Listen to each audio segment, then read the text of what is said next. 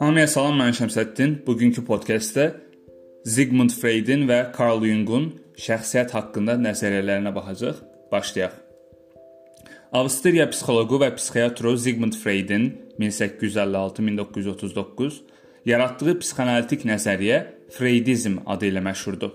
Sigmund Freud şəxsiyyətin fəallığının mənbəyini onda heyvan əcdadlarından irsən alınmış instinktiv təhriklərdə görürdü. Bununla da Freud psixi hadisələrə yeni anlayış, şuursuzluq anlayışı gətirmişdi. Onun fikrincə şəxsiyyətin strukturunda 3 komponent mövcuddur. O, id, mən, ego, yüksək mən, super ego. Sigmund Freud birinci komponenti id, şuursuzluq, ikinci ego, şuur, şuur, üçüncünü isə super ego, yüksək şuurluluq kimi götürür. Sigmund Freud-ə görə id, yəni o, məhz elə sahədir ki, orada yalnız sıxışdırılmış şüursuz instinktlər hökmranlıq edir və onlar həzz prinsipinə tabe olurlar. Buna görə də prinsipcə onlar dərk edilə bilməzlər. Mən, yəni ego, bir tərəfdən şüursuz instinktlərin ardınca gedir, digər tərəfdə gerçəkliyin norma və tələblərinə tabe olur. Yüksək mən, superego, cəmiyyətin əxlaqi tələbatlarının bir növ məcmuudur. Başqa sözlə o, insanın hələ uşaqlıq dövründən mənimsədiyi avtomatlaşmış sosial norma, inam, qaydalardan ibarətdir. O, bir növ nəzarətçi rolunu oynayır. Ona görə ona görə də ego həmişə münaqişədə olur. İdin və yüksək mənin tələblərinə, tələbləri bir-birinə uyğun gəlmir. Ego, yəni mən, daima müdafiə mexanizminə qaçır, ona meylli olur. Şəxsiyyətin klassik nəzəriyyələri qrupuna yuxarıda qeyd etdiyimiz kimi İsveçrə psixoloqu Carl Jung'un 1875-1961 analitik nəzəriyyəsi də daxildir. Carl Jung'a görə şəxsiyyət 4 əsas elementi özünə daxil edir: şuur, şəxsi şuursuzluq, şuursuzluq və kollektiv şuursuzluq.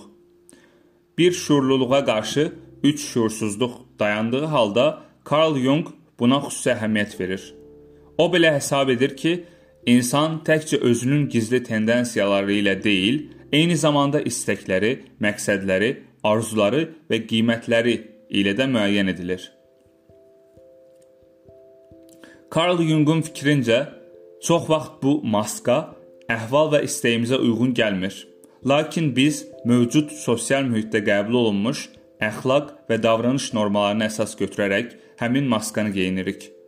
Carl Jung'a görə şəxsi şuursuzluq öz başlanğıcını uşağın anadan olduğu gündən əldə edir və bütün həyatı boyu formalaşır. Şəxsi şuursuzluq insanın artıq keçirmiş olduğu, lakin ya unutduğu, ya sıxışdırılmış müxtəlif hissləri, duyğuları, xatirələrini özünə daxil edir. Bununla belə şəxsi şuursuzluq zərurət olduqda dərk oluna bilər.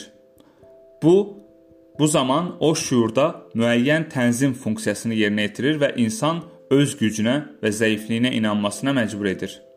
İnsanı öz gücünə və zəifliyinə inanmasına məcbur edir. Şuursuzluğu Carl Jung kölgə adlandırır. Onun fikrincə kölgə insan şəxsiyyətinin ən primitiv və qaranlıq cəhətlərini özünə daxil edir və öz başlanğıcını heyvan əcdadlarımızın amoral həzlərindən alır ki, amoral yəni moral olmayan, əxlaqi olmayan, bu da cəmiyyətin normal həyat və fəaliyyəti üçün tamamilə qəbul edilməzdir. Lakin özünün amorallığına baxmayaraq kölgə bizim bir çox yaradıcı ehtiraslarımızın və dərin emosional təəssüratlarımızın mənbəyini təşkil edir. Kollektiv şuursuzluğu həqiqi mənada Carl Jung'un ən böyük kəşfi hesab etmək olar. Bu kəşf onun adını ölməz etmişdir. Carl Jung'un fikrincə, yeni doğulmuş, yeni doğulmuş uşaq heç də ağ lövhə deyildir. Tabula rasa, yəni John Locke-un irəli sürdüyü kimi uşaqlar doğulduğunda ağ lövhə olur, yəni heç bir şey bilmədən həyata gəlirlər. Belə ki, yeni doğulmuş uşaqda yaşlılıq dövründə onun davranışını şərtləndirən anadan gəlmə tendensiya öz əksini tapır. Bu tendensiyalar Carl Jung tərəfindən arxetiplər adlandırılmışdı. Arxetip nəsildən nəslə keçirilən, keçirilən, insan şuurunda bilavasitə öz əksini tapan surətlərin, istək və davranış formalarının fövqəladə mürəkkəb əlaqəsindən ibarətdir.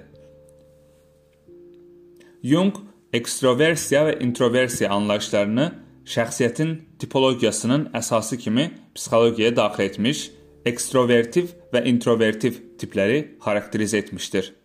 Ekstrovertiv şəxsiyyət özünün bütün maraqlarını xarici aləmə yönəltdiyi halda, introvertiv şəxsiyyətdə bu maraqlar bütün həyat energiyası özünə, özünün daxili aləminə yönəldilmiş olur.